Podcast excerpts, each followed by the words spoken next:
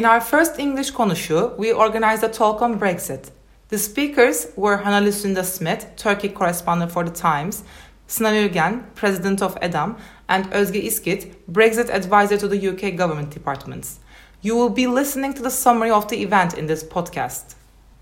As part of the work that I do on a daily basis, I occasionally write op eds for the international press obviously not as often as Hannah. But one of my ideas was to write something entitled Erdogan and Harley Davidson. Now, the reason why I think, you know, I thought that that would be, you know, not only a catchy title, but also something that would be a descriptive of the theme that we're going to discuss today, is that there's a small town in Indiana which is the headquarters of Harley Davidson. And that town voted for Trump by a large majority. Now, how do you square that? Because Trump, before he came, you know, before he got elected, he already told the American public about his economic policies, about his trade policies, about how tough he's going to be vis a vis China and the others. And obviously, what he said on the trade side was perhaps good for industries and people who were, uh, who were competing against imports but it was a bad story, a bad narrative for industries that were in the export business. Because, you know, if you're exporting to the rest of the world, and that is what Harley Davidson is doing, then you want open markets. You want a rule based system. You want to be able to trade freely. So the fact that, you know, people whose livelihood depend on exports in Indiana, where, you know, uh, where in the small town, voted for Trump is indicative of a phenomenon which I think is very closely linked to Brexit, because this is the second time that I've actually witnessed this. In the Brexit story, the example that you know we can transpose from Harley Davidson is called Sunderland. That's the place where the Ford factory is, you know, has its production units. And that town also voted for Brexit. So this is a situation where I think we need to sort of unshackle some of our uh, principles about how we view politics nowadays. And this is where I want to start. Because what Brexit taught me, as somebody who is not a UK citizen, but looking at this from, you know, uh, from outside, uh, who has a fair understanding of the international trade regime about the EU. I initially thought when this idea was, was first launched by Cameron that, you know, this is just a, a ploy uh, to basically uh, cement his leadership uh, of the Tory party because for long, you know, that particular party had an issue with Europe.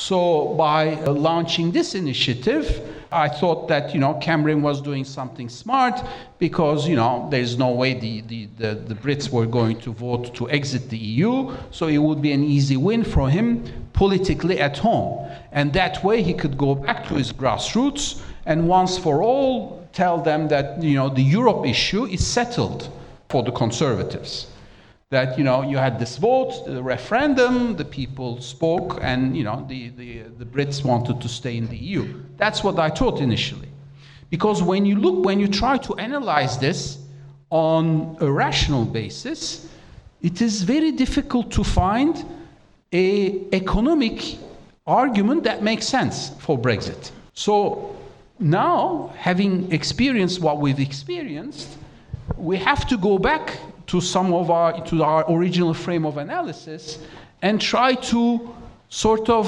articulate it differently. Because obviously just looking at it from the perspective of you know rational economics just doesn't take us anywhere. We just couldn't really grasp what was happening if we were looking from that prism. This is also very similar to some of the uh, developments that we see across in actually many other societies where we see this type of you know reaction, this populist reaction against you know what I can you know uh, for lack of better word against the established order. Initially, part of that reaction was again, and this is a fallacy, which I'm happy to admit. I thought that this was a reaction to globalization, namely you know, there were industries, there were people who found that their livelihood had not improved. On the contrary, their you know, job prospects had dwindled, their economic income had decreased. So there was a reaction to what, to what we know and define as globalization. But again, if you view it from that simple lens, there are a number of examples which don't fit that model. One is Austria. You know what happened in Austria? Austria is the country in the EU that, you know, even with Germany, that has the lowest unemployment rate. When they had their presidential elections, the unemployment rate in Austria was 3.8%. It's a society that has a very high level of income, and they were just about to choose a proto Nazi, the Austrians. The, uh, the, the candidate got 49% of the vote. So, obviously, the economic argument in itself also does not explain what we're experiencing what we're seeing in countries like the UK as well. So there has to be something else to that argument. And that something else, I would argue that it is about culture. So it is, you know, what we see in societies is uh, not a combination, an alliance between the people who believe that they have been the losers of this phenomenon of globalization and another segment of society that is now revolting against the rise of liberal values, whether it has to do with immigration, whether it has to do with LGBT rights, whether it has to do with emancipation of women, gender roles, climate, whatever you name it. But there seems to be indeed a revolt against those values. So when you dig down about who voted for Brexit, and also who voted for Trump, you start to see this exact phenomenon. And that, I think, is something that we missed initially, at least I did, when I looked at, you know, when I initially thought that, you know, putting, you know, uh, Brexit to vote was a smart political move by Cameron. And I think he missed it too. So today, I think when we look at these developments and how we came to the place where we are today, we certainly have to take stock of this. And this is not a temporary phenomenon. Because again, look at Brexit. 2016, the vote happened, and you know, very, with a very thin margin, the UK electorate voted for Brexit. So then, again, in my naivete, I thought that, you know, the, the, the, UK establishment will find a way to redress the situation. This is a fluke, this is an accident. What do I know? Last elections in the UK, the Conservatives, with the, you know, who want to have Brexit, won with a landslide. They won easily. So it's not that, you know, the UK establishment the UK grassroots are actually unhappy with Brexit. On the contrary, it seems that they really want this to happen and they want to, in a way, you know, uh, basically close that chapter and move on. But there does not, there didn't seem to be any sort of recalculation about Brexit, which is what I thought would happen when the vote, you know, with the initial vote.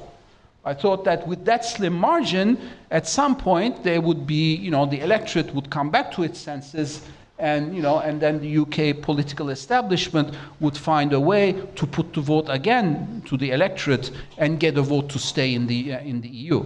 That's not what happened. On the contrary, the split, the gap between the ones who want to remain and the ones who want uh, Brexit to happen became even wider. So. Therefore, the, this reaction to traditional politics, whether it has to do with globalization of liberal values, is a reaction that is less superficial than I initially assessed, and definitely more than a temporary phenomenon.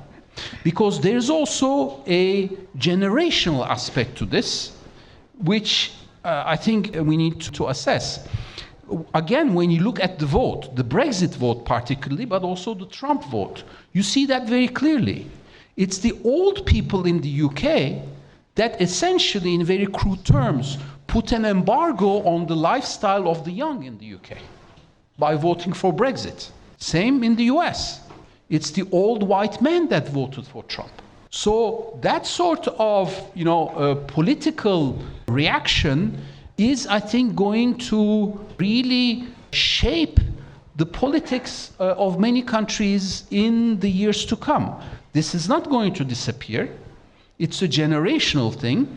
And had the question been about the economy, about how globalization works, I would have been much more comfortable in basically pontificating that you know we should get together and whether it's the G20, WTO, IMF, World Bank, we can find ways to address some of the grievances uh, if the question had been the economy. But unfortunately, it's not as simple as, that. Because when you enter the realm of these cultural cleavages, there is no easy solution, let alone if, I don't know if there is a solution. Because when you're in that sort of world of cultural cleavages, and I think as Turks we certainly understand what that means, there is no easy way to replicate or to answer political strategies that are based on the deepening of these cleavages. It is very easy to say no to immigration, and you win votes. It is easy to say no to LGBT rights, and you win votes it's easy to speak against, you know, at least in some societies, against, you know, gender, uh, gender policies, and you win votes. So I think what I want to leave you with, at least for the first round, is based on, on Brexit, how do we think about an answer to this phenomenon, given that it's not only about economics, but there's also a very deeply felt cultural div- divide issue here. Got one. Oh, you got yours. Sorry. Let me reflect on a couple of things you mentioned. So the reason it, it's yes, everybody asks this question: Why did Brexit happen? It was like a it was a big shock, and nobody expected it. And Cameron gambled, and he lost big time. And uh, and the first reaction was obviously the expectations was the referendum would not come out as leave and then also the following three years nobody expected the government to go through with it. But obviously, it's happening. If we think about the reasons, definitely a reaction to the government plays a big role. And, um, but then we also should not forget that the EU fails to communicate to the citizens of the European Union all the advantages it brings to them and actually how they touch their everyday life. And especially in a country like the UK, who's an island and is not in the Eurozone and is not in the Schengen area, so it's more difficult for people to feel those direct impact uh, compared to the, to the European citizens living on the continent. And, um, and having said that, if we think about if we you know think about the last elections and the reaction there, another thing that the you know Britain is not used to is uncertainty, and they've been living in uncertainty for three years since the referendum in 2016. The first date they had was 29th of March 2019, and then it got postponed, and there were lots of discussions and talks. I mean, Parliament TV, like the, I mean, the speaker or the equivalent is in Turkey is the president of the parliament. I mean, he became a celebrity, so it's everybody was like literally watching at home. Okay, what's going to happen tonight? And uh, and was actually getting really involved for the first time ever about what's happening with the future of the country. And uh, but another misperception or misconception is also that people think that the EU is a book club you know, or a trade association. You know, I stop going to the meetings, I stop paying my fee, and I'm out of the club. But the EU is much more than that, and this is actually what people have missed uh, realizing, and this is still what the government is, is realizing. And um, let me give you a couple of examples. So, and also, please also keep in mind that the UK has been an EU, a very strong and influential EU member state for more than 40 years. If you go to a, um, a public sector expert or a bureaucrat and ask them, how did you do it before the EU? Nobody knows because you know it has changed so much and it's so well integrated into the system in the UK and the UK is so well integrated into the EU even though the UK is known to be Eurosceptic, like, which is fair, but then they're also a very strong player in the EU decision-making system and, and are very well integrated and, and play the game very well. So just think about so a country that has been in the Union for 40 years and has played a major role in shaping it, saying all of a sudden, I'm out. So just from the legal perspective, so just to give you a bit of a background information, so in the EU, uh, there are two types, like a if we simplify everything, there are two types of EU law. Like one is the EU law, once it's out, it applies to all EU countries. And the other version is the EU directives that will be translated into national law. So for all policy areas, if there is an EU law, there is no national law. So if you decide one day to stop going to the book club, it means that you have absolutely no laws and no legal basis in those areas, and all of a sudden there are like massive gaps. So that's why also the UK Parliament has spent hours and hours in sessions uh, trying to pass new laws to make sure that they actually the country can remain operational. So obviously everybody talks about the trade deals and the relationship with the EU, which is very, very important. But there's also the other big question to ask is what's going to happen to the UK actually? How is it going to operate after leaving the EU? Because we're talking about massive joint IT systems that all EU countries share. We're talking about joint committees and expert pools where they discuss regulations and new laws that will disappear and they will continue actually being the, one of the closest neighbours uh, of the European Union and the biggest trade partners. So just saying that, you know, I'll stop, you know, paying my fees basically does not really answer the question. And therefore, what, you know, the questions that the mainstream media is, is, is focusing on at the moment and what the, the politicians are talking all the time because it's popular and, but also in the background, there's a lot happening and, and actually trying to do something that nobody has done before because nobody has left the EU before. You don't know like how you can actually replace all those systems and uh, all those decision-making mechanisms. So another example is if the EU makes a law, if there's a decision, maybe you've heard of you know the different EU institutions and the very complicated decision-making mechanism.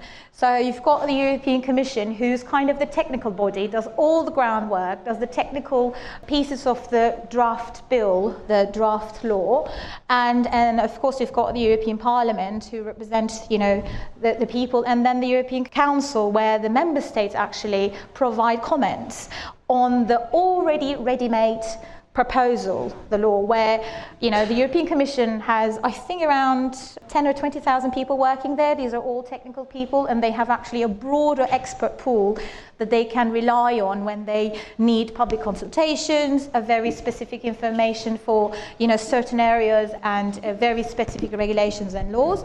So, simplifying all of that, we can say that the UK has been eating like ready made food, putting it in the microwave, and um, because somebody else was preparing it. I'm not saying that the member states don't do anything. They do influence the EU law and the regulations heavily, but the groundwork, they get a lot of support from the EU institutions while doing that. So this means also you have to rethink the whole process of how are we going to take decisions, how are we going to make laws. And, um, and maybe as a final comment, um, will, you know, we should also consider that the UK is a union itself. So there are three countries, um, England, Scotland and Wales and, and Northern Ireland, and um, four countries, not three. And uh, there are lots of, um, there are also policy areas where, it, uh, you know, they are, as they call it, devolved. It's decentralized. The countries decide themselves. But as there is the EU law giving them the framework, they have already identified, established the playing field. So they can't go beyond that. But if the EU framework is gone, then how is the union going to agree on certain terms among themselves? So if it's the rule of thumb is basically in those certain policy areas, they can decide on their own if it's like an internal issue, but if it affects some kind of, of external issue or trade, then they have to agree on a common policy. But there are many, many issues where actually they might agree to disagree, and they will also have to find the, you know, define the new rules of the game within their own union. So, so therefore, I think, yeah, they will have some more books to read before leaving the book club. Um, is that on? Yeah. Um, so I'm going to disagree with something that everyone said so far, which is that no one saw it coming. I saw it coming, and that is because not because I'm exceptionally bright, but because I was born and was brought up in the heart of Brexit country. So I'm from a place called Lincolnshire. It's north of London. Uh, it's almost in what was termed the red wall in the latest election, So this kind of you know, wall of seats or constituencies across uh, the Midlands and Northern England, which have voted Labour since the 1930s and in the last elections went to the Tories.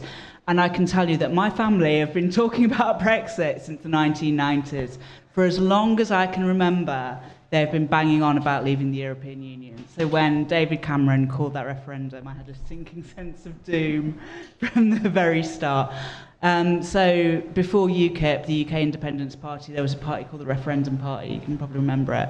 I remember my family putting up posters for them in the 1990s. So uh, what I will agree with with Sinan is the reason why they were so supportive of Brexit was not particularly rational or to do with economic reasons. It was kind of a gut instinct. Some of the things that I remember my family talking about a lot were the idea that we're ruled from Brussels and we don't make our own laws. I think the opacity of Brussels, the fact that these things happen in the corridors in Strasbourg and, and, in Brussels, and no one really understands what's going on. And they, you know, people in Britain have an idea that it's just, you know, very, very well paid bureaucrats making decisions for us that we have no say over. Economics does play some part, I think, to an extent, but I think what happened is that obviously the, the Midlands and the north of England since the 1980s have un- undergone pretty rapid and wide scale deindustrialization. So it lost a lot of the industries that had brought in incomes and decent incomes for many people in those regions. So particularly coal mining, steelworks, those kind of things. They all pretty much went in the 80s and 90s and have been replaced really with nothing. So outside the big cities, you know, you'll find in Manchester and Leeds and Sheffield, you'll find there's been urban regeneration. They're quite nice places to live, quite affluent, but outside those city centres, the small towns are really suffering. Now, that's a structural problem that's completely to do with the UK, not the EU. But what happened when, um, when the referendum was called was that that national problem was then turned into somehow an EU issue by the people who campaigned for leave. So I think, you know, people who are feeling very forgotten, very frustrated, very overlooked by, by the decision makers in London suddenly saw their chance to make something of difference. And also the immigration issue. You know, my, my hometown, sorry? Turks. Not the Turks. No. For a change. For a change, not the Turks. Polish. Exactly, Eastern Europe. So the town where I grew up, when I was growing up, it was, I think, in my school there were like probably two black people, maybe one Muslim, and then a few people from like Portuguese backgrounds, things like that. I left in 2002 to go to university. In 2004, three or four, Poland, the Eastern European states joined. And now, 25% of my hometown is people who are born outside the UK. Imagine that speed of change. It's unbelievable. So this is not. I think people like to simplify it and say it's racism. It's not. For example, my mother, who is the most pro Brexit woman going and who will bitch and whinge about all the newcomers to town, her best friend is an Iranian who came in 79. I remember in the 1990s when Bosnian refugees came and settled in our town, she was the first to go around there you know, saying hello. So it's not, you know, it's too easy to just say it's racism. But I think certainly that speed of change in terms of immigration plays a massive part in it. And yeah, I, again, I wasn't surprised at all when those towns went to the Conservatives in the latest election, partly because of Brexit, partly because they can't stand Jeremy Corbyn. He just doesn't fly in those places. Now, coming to the Turk issue, sort of leaving my, my personal past uh, behind and looking at it as a journalist, this was incredible to see what the Leave campaign did in 2016. So I'm sure you probably all know the Vote Leave campaign, which said something along the lines of 12 million Turks are going to come to the UK, we best leave the EU, which was based on bullshit. I mean, it wasn't, it, it just wasn't true. So it was some, I think the source of this claim was some survey where they'd surveyed about 400 Turks and said, Where would you like to go? And some of them said, Oh, yeah, I'd quite like to go to the UK. And then they scaled that up to say 12. Yeah, it was this bad. And this was publicised by the man who is now our Prime Minister. This was Boris Johnson's Vote Leave campaign. On top of that, they also employed a firm which is uh, connected to Cambridge Analytica to push these ads via Facebook to people. So actually, it wasn't only Turkey, they were also making similar claims about Macedonia, about Serbia, about Bosnia, basically all countries which have got, I can't remember the, the proper name, but candidate status, so countries which have an aspiration to become EU members. They launched this kind of fear campaign. But I think the reason why it really took off when it came to Turks, to be really frank, I think there is there is a religion issue there. I think the fact that Turks are Muslim played a big part in that. But for me, it was massively surprising because we don't have the same kind of um, intercommunal problems with, with British Turks as you do in, say, Germany. You know, I was really surprised when I first moved to Turkey and started meeting Germans and German Turks who were talking about the kind of community problems that they have there. Because, you know, in, in Britain, maybe, maybe you'll contradict me growing up as a British Turk, but I just don't feel that there's that kind of separation between our communities. Yeah. So it was really shocking for me actually to see, firstly, Vote Leave using that, and secondly, to see British people responding to it. So there was a study done by somebody at the LSE in, I think, 2017 and he looked at all the kind of campaigns that had gone on around Brexit, and he said that actually this thing to do with Turks coming to the UK and Turkey's imminent membership might have been the thing that pushed it over the line. I mean, that's that's absolutely unbelievable. Now there is a question then of why Turkey's politicians didn't make more of this. I mean, usually your president isn't particularly keen on people who insult his country, but somehow when it came to that, it was all forgotten. Some people would say that's the kind of apparent charisma of Boris Johnson, which I don't see, but some people do. Um, but I think also the fact that the, the coup attempt in Turkey happened, what, a month after the Brexit vote, and all of a sudden there was a very different crisis. I think that probably papered over a lot of what might have gone on. Um, but certainly when Boris Johnson, who was then appointed Foreign Secretary, was sent to Turkey to meet with Erdogan a few months later, almost nobody mentioned it, apart from Jen, we were asking questions about it, but they seem to want to smooth it over. So, yeah, so that's my very broad take on what went on. Can I just share with you an anecdote? At the time of you know the Brexit debacle, I had a friend in cabinet in number 10. He was advising Cameron. And this summer he shared me the story. He said that basically they had a meeting in the cabinet office where they evaluated what should be the response to these allegations that 70 million Turks will suddenly, you know, migrate to the UK. And one of the people in the room asked Cameron to go out in public to say that he was against Turkey's EU membership. And Cameron refused. Now, of course, he's telling me had Cameron accepted, they probably would have won the you know Brexit referendum. That's you know that's what he claims. But because Cameron was you know mm, didn't want to renege on a, on, on the UK promise that you know Turkey was eligible to EU membership, he didn't want to go there, and by not going there, they lost the referendum. So that's, that's giving something. a lot of credit to Turks in Brexit referendum. Yeah, but that's that's also what Hannah says that you know that was one of the arguments that you know basically uh, was the straw that broke the camel the camel's back. So had they had a more cogent response to this allegation that you know Turks would suddenly invade the UK, maybe that small margin you know would not have uh, would not have worked in the favor of the Brexiters. Who knows? But in general, it was very difficult to say any, come up with counter arguments of the Leave campaign because I mean, there was also this whole, um, was it 30 million for NHS? What was the campaign number? So it's just, where, where, do you even start? And to come back to the Turkey situation or the, um, the issue as well, the Foreign Secretary at that time was also going live on TV in morning shows and was saying, like, the EU has accelerated Turkey's accession to the EU and we don't agree with that.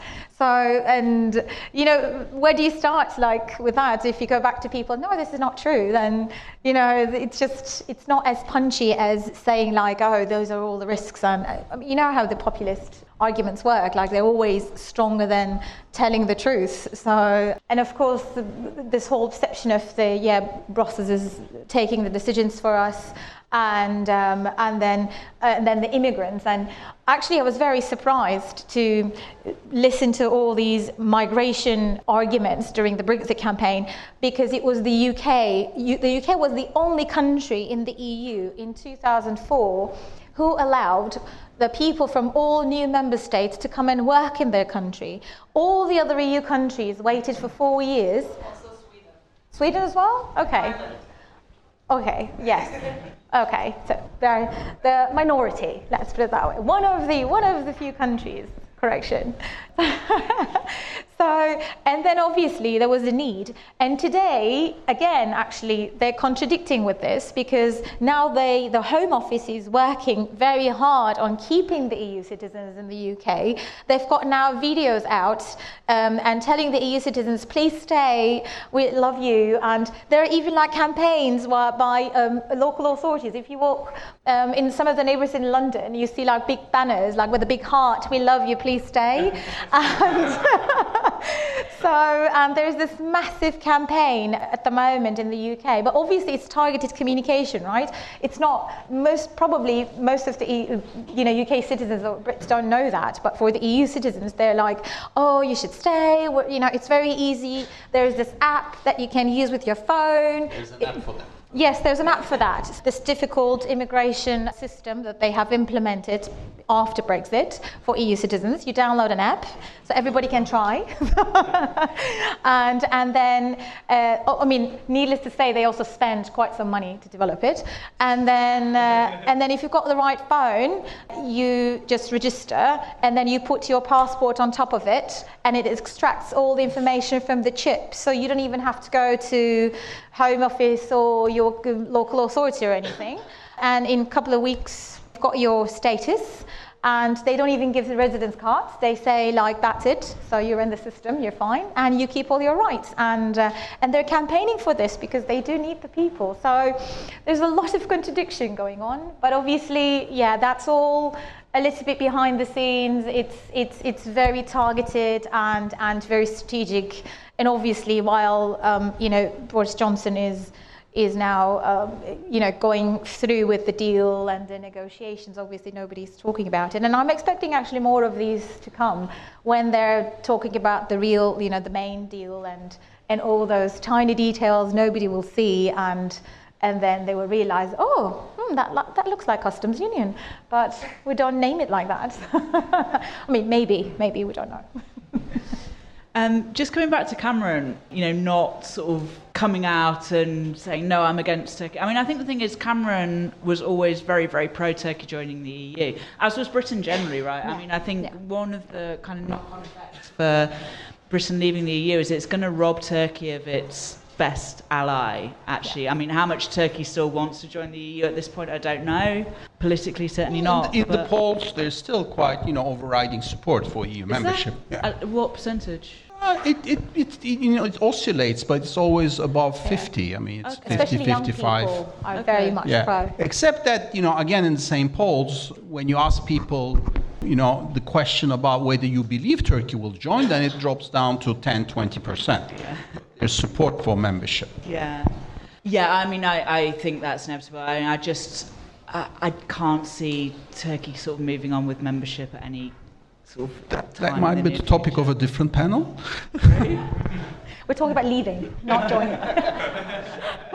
um, but yeah, I mean, I think by the time that Vote Leave launched that campaign, you know, saying all these Turks are going to come to the UK, the irony was that by that time, okay, Davutoglu had uh, struck this deal with Merkel to get visa-free access to the Schengen zone for Turks. and it was part of the refugee deal of early 2016. But in fact, that deal started, or that agreement started falling apart almost as soon as it was signed. And by the time that you know it got to the final weeks before Brexit, that was completely abandoned. I mean, you know, so even what Vote Leave was saying about you know Turkey's membership has been speeded up, which was completely untrue. But you, you know, if you sort of take them at their word, okay, you know, visa-free access has been speeded up. You know, even that had fallen apart. You know, maybe nobody had said as much, but anyone who was watching Turkey knew that that just wasn't going to happen. Um, so I, you know, I don't know. I mean, I think Cameron probably should have come out and sort of tried to make the facts clear, but then whether that would have made any difference. You know, I think you know with the bus claim about what was it, three billion extra a week to the NHS. I think you know people unpicked that pretty much straight away, but it made no difference because, yeah. Yeah. Well, I mean, one thing that we discussed is, you know, Paul, uh, the sort of the history of Brexit. But perhaps a few minutes you know, what's going to happen next. Um, now, we, uh, again, we discussed it uh, from the UK perspective, but I'm a Turkish citizen, so it's worth to say a few things from Turkish perspective, which actually looks different. I the fact that Turkey has lost one of its main ally in the EU is going to be a handicap. But the other side of the coin, and when you ask many people who deal with EU uh, issues generally, there is a somewhat hidden, sometimes less hidden aspect to this in Turkey. Some people are happy that the UK is leaving. They're happy perhaps because their worldview is that in any case, the European Union is collapsing, the Western civilization is sinking. Aha, see Brexit. You know, that's one worldview. So they use Brexit to substantiate the argument that the EU has no future, the Western civilization is in decline, it's all about, you know, Russia, China, uh, and so on. So that's one. Obviously, I'm not part of that camp. But there's a second view, which is that now that the UK is leaving, we could actually think more strategically about a Turkey UK partnership as two very similar countries. And what I mean by similar is that, you know, when you look at Europe's relationship with its close neighborhood, there is a model, you know, outside the EU. The closest model is the EEA model. But the countries in the EEA are not exactly very similar to the UK and Turkey when you have Liechtenstein and you know Norway perhaps, but Switzerland, those countries. So Turkey and the UK, first they have a imperial heritage. And I think you already mentioned some of that in the reaction of the UK people to you know all this decision making being done in Brussels and so on. So there's a pride and a need that decision making should be closer and uh, all of this historically very vibrant debate in the UK about sovereignty, sovereignty sharing, we have the same in Turkey. You know, uh, even though we sort of like the idea of Turkey joining the EU, we're still quite perplexed as to how sovereignty sharing would work in that environment. Oh my God, other people will get to say about how, you know, how we're going to rule our own country. So there's that sort of element which ties into this imperial heritage. Secondly, uh, of course, the UK, both economically but also militarily, is uh, one of the most important countries in the EU. So, UK walking out and uh, after having worked out the type of relationship that it will build with the EU, there will be a relationship. There will be a relationship on the trade side. There will be a relationship on, you know, on defense side.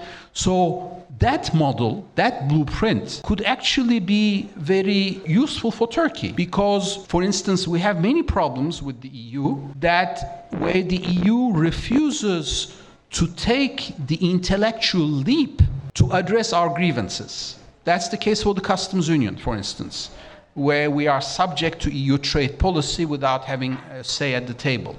But that's also a case for security and defense, because Turkey, as a NATO ally, wants to have a bigger say and bigger participation in EU, in EU defense, but all doors are closed because we're not a EU member. The hope here, you know, in Ankara, is that with the UK, some of that intellectual obstacles will come down because the EU, the EU will want to answer more positively the UK's demands. They would want the UK to continue to contribute to EU defense. They would want you, the UK to have some sort of bigger anchoring in the EU trade policy. So, whatever that will push the EU policymakers to think more constructively about these issues, about how they are going to associate a big country to the EU. This is not Iceland, this is not Liechtenstein. So, those answers will help Turkey in its own negotiations with the EU if indeed the future for Turkey is not one of membership but something of a close association a la UK. So, in that sense, the blueprint. Uh, there's key, very keen interest in Ankara to understand what the UK will be doing now that Brexit has happened or is happening. How do you see the trade relationship with the UK and Turkey while Turkey is in the customs union? If we assume that the UK remains out? Because it was one of the questions that really popped in my mind when Boris Johnson was in Turkey as Foreign Secretary and it was on Financial Times. So we can't wait to negotiate our new deal with Turkey. And I'm like, he must know something that I don't know. Well, I hope he does.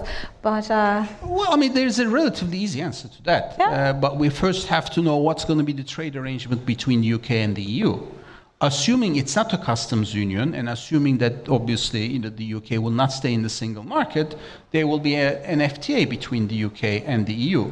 Yeah. And therefore, the answer is Turkey will have its own uh, FTA with the UK as well. So that Through seems logical. Union, yeah. Once the EU has an, I mean, Turkey can have an FTA once the EU has an FTA with a third country. So, assuming the EU will have an FTA with the UK, there's no obstacle to Turkey having its own FTA uh, with the UK as well. So I think that's the direction that we're going. The only thing there is that I think so far, from what I understand, UK authorities have been very resistant to the idea of starting negotiations with Turkey on an FTA, despite what you know Boris Johnson said. And, uh, but I think that's the wrong approach because there is nothing that prevents uh, negotiations to start. The only, the only obstacle is that the FTA between, the potential FTA between Turkey and the UK cannot enter into force before the UK EU FTA ent- enters into force. That's the only limitation. But negotiations we can start tomorrow. Or that, that I think that has to sink in with the British policymakers because and they've been resistant to this. Yeah, Maybe because there's no bandwidth in London. I know. Yeah, exactly. I think they also, you know, don't have the capacity at the moment because you know everybody is working on Brexit at the moment. So I'm really. Uh, one of the things that the UK will realise or has started realising is also uh, people think that Brexit is an event and it will go away. And you know, it's once you know there's a deal, and then and then there will be negotiations, and obviously it will be a whole FTA will be done in a year. And normally, uh, free trade agreements are actually done, you know, product or category or industry based. So you renegotiate, you know, everything separately because there are different tariffs, and and it's very difficult to you know do a one you know bulk negotiation for everything. So that's why I'm very skeptical about, you know, where the, the big deal or the future economic partnership will get by the end of the year. And also, a free, free trade agreement does not mean borderless trade. So, and at the moment, people don't realize that, you know, what it means that your goods have to wait at the border, that you have to actually have to have a border inspection and you have to actually set it all up and um, design all your or redesign all your supply chain and logistics accordingly because there will be delays, there will be extra costs. And uh, so the, the, most of the um, you know discussions I witness goes like, oh, you know, once there's a deal, it will be fine, everything will be okay. Whereas when you talk to some of the industries, and um, I, once I heard a very interesting um, discussion with the um, industry exporting live animals, and one of the questions was like, what about the hatching eggs? And I'm like, what about them? Well, you know, they will be, you know, chicklets once, you know, when they wait at the border. Well, actually, they should come out on the other side of the border. So, and obviously, it's a massive risk for the industry. And I was like, okay, all those details we have to think about when you talk about the trade. And uh, so those are like really, you know, minor examples and uh, questions you know, popping here and there. But um, it is really much more complex than just, oh, you know, we'll agree on something and, and everything will be fine. And actually, uh, you know, we think a lot about the trade aspect, which is obviously very important given that a number of Turkish manufacturers main export market is the UK. Companies like Arçelik and others have a you know very significant market share uh, in the UK, so they're very interested in that. But let me take you somewhere else, uh, something that we haven't really, um, fully think grasped. And that is that once the UK leaves, there is a, a whole acquis you know, uh, that now applies to the UK by virtue of Turkey's own Ankara agreement and the additional protocol that binds all EU members. Once the UK leaves, that acquis will not anymore apply between Turkey and the UK. So some of the examples that we'll you know, suddenly face, one of them, you know, I can already share with you. That acquis was used in the past, and for those who are a Fenerbahce fan, I think you like this story. There was a goal player in Fenerbahce called Rüştü. And, uh, you know, about a decade ago, he got transferred to Barcelona. And in Barcelona, trainer didn't give him playtime because they considered him as a non-EU player and therefore he was stuck with the quota of non-EU players. Then Rüştü went to court in Barcelona and claimed on the basis of an association council decision dating back to 1980 that as a Turkish citizen who is legally employed in an EU country, he cannot be discriminated vis-a-vis EU citizens. So he has to have the same rights as EU citizens once he's employed legally. So the court, you know, found that, and then Rüştü then started to play in Barcelona as, you know, on the same basis as a Spanish player or a European player. That's how he got playtime.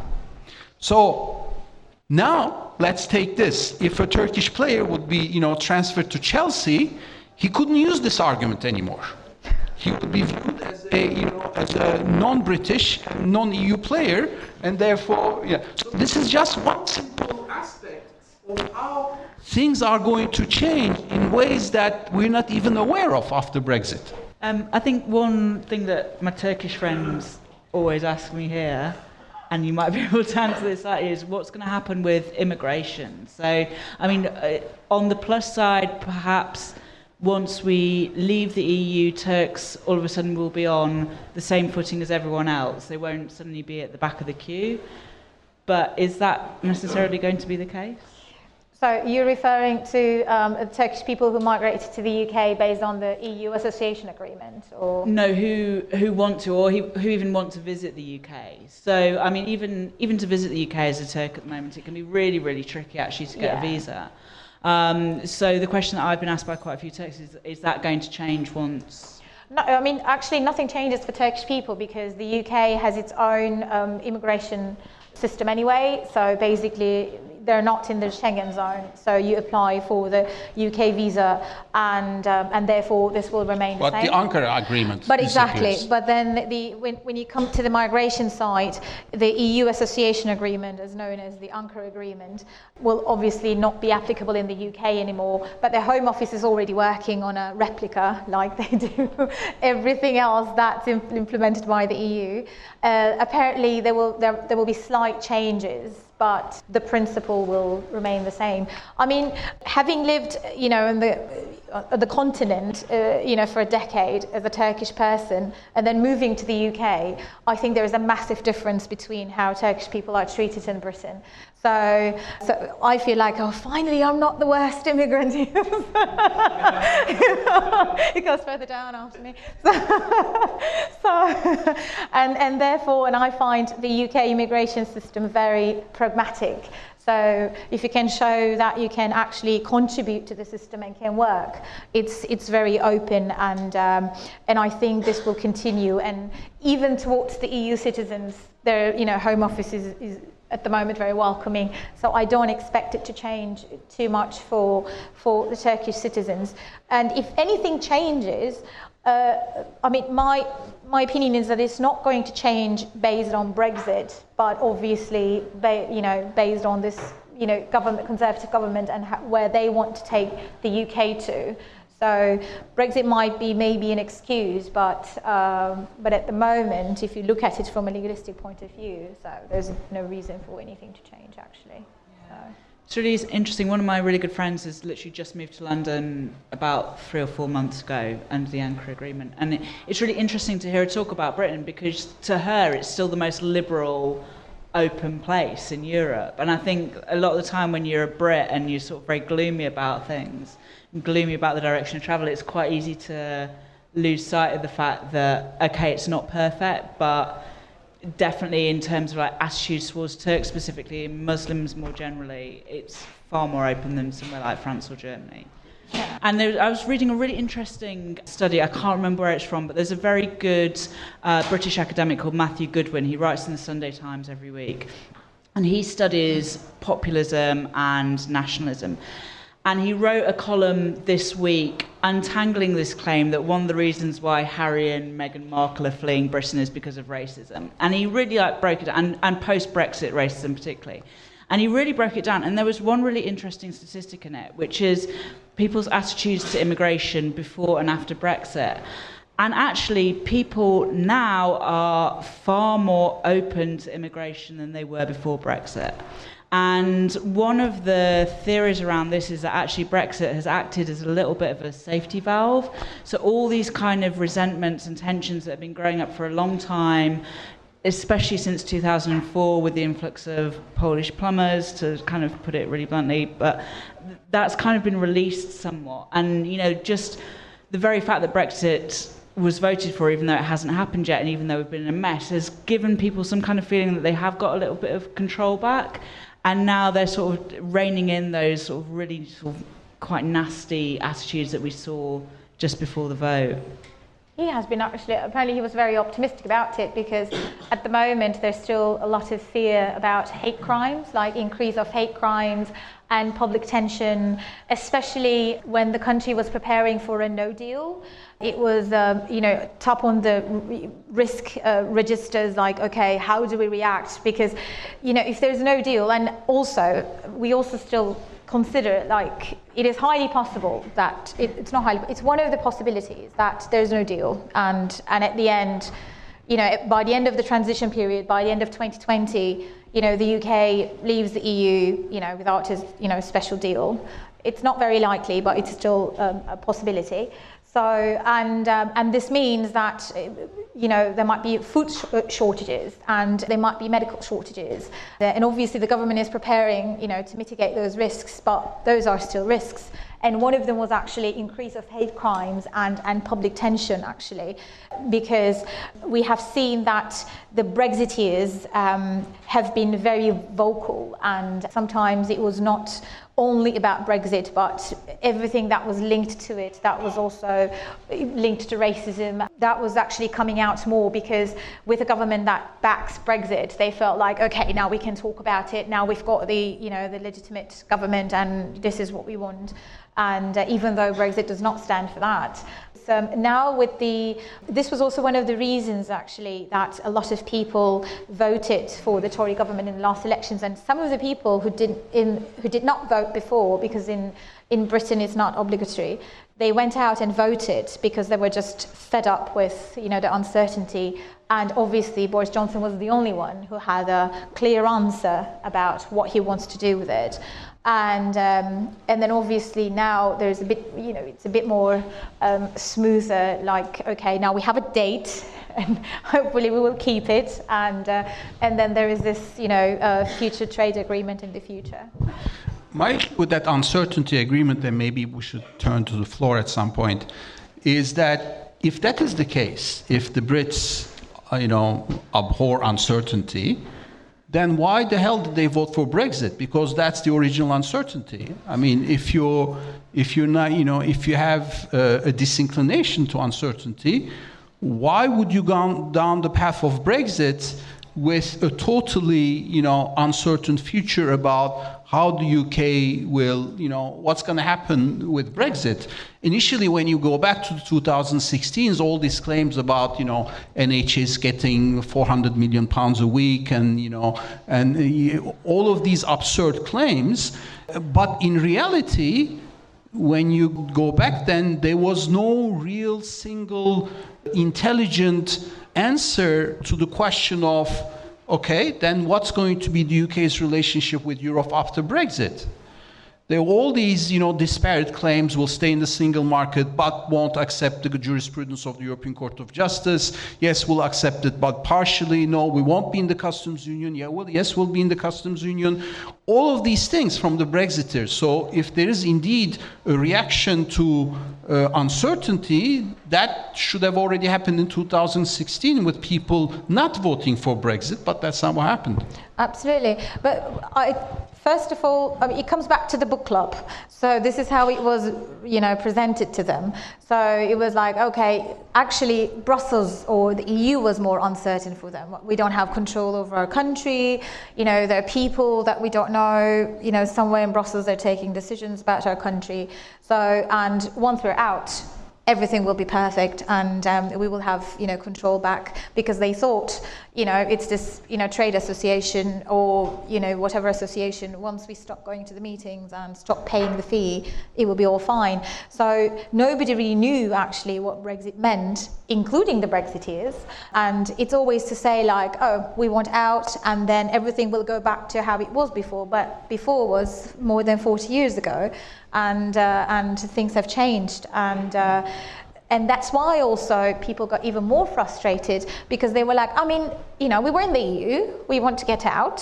Why is this so complicated? Um, and the reaction was even like, oh, it's so easy, and the government can't, you know, get it through. So it's, it's Theresa May, you know, can't pull through, and uh, actually, it's, you know, it's a basic thing. And then that's why they were very happy when Boris Johnson came out and said, like, you know, we either exit or I die in a ditch. So, because for him, it's black and white. He's like, you know, we'll exit. So, and you go like, really? Wow. so, and this gives, obviously, this is what people want to hear. And this sounds like more certainty and obviously he gets all the votes. I totally agree, and I'd also add, I think until 2016, Brits were really politically arrogant. There was this sense that this is Britain, we're somehow different, we're somehow exceptional, nothing ever really goes too wrong here. We're far too sensible for, for chaos, we're far too sensible for crisis. Like, no, we've got this sorted. And I think if anything good can come out of the last three years, I hope we've been humbled. I hope that now Brits realise that we're not immune from complete chaos. I mean, the country's been in chaos for the past three years. Absolutely. Um, you know, I, I started as a journalist in Britain, and the standard thing then was you leave to somewhere more exciting. But for the past, like, so, and so I end up in Turkey. But for the past three years, like, Britain's just been insane. Like you say, like, people tuning in to watch the parliament. Like, what's that? That's Now you can buy like T-shirts with Bercow on it. I mean, that's terrible. You shouldn't have exciting politics. Like politics, I, I hope it goes back to being really dull in Britain. I hope that's what we've learned. That's why actually I had um, really good conversations uh, when I was working um, in the central government on one of the Brexit projects, and you know the negotiations are going on. There's like a total chaos, and uh, and then I had a I had a portfolio that was linked to trade and everything, and then and then I was still like you know going to work every day like good morning how are you? And people were like how can you be so calm? And then in my head I was saying like well I grew up with this. And then and then, and then to them I was like well you know I don't let the you know everyday politics interfere with my work. So, which is true but then obviously being Turkish you know you're born with the immunity to you know to politics. And uh, and I mean, I have to admit that I did enjoy the Parliament discussions. well, if, uh, if you know you haven't watched it, like they're amazing like, compilations on YouTube. I would highly recommend.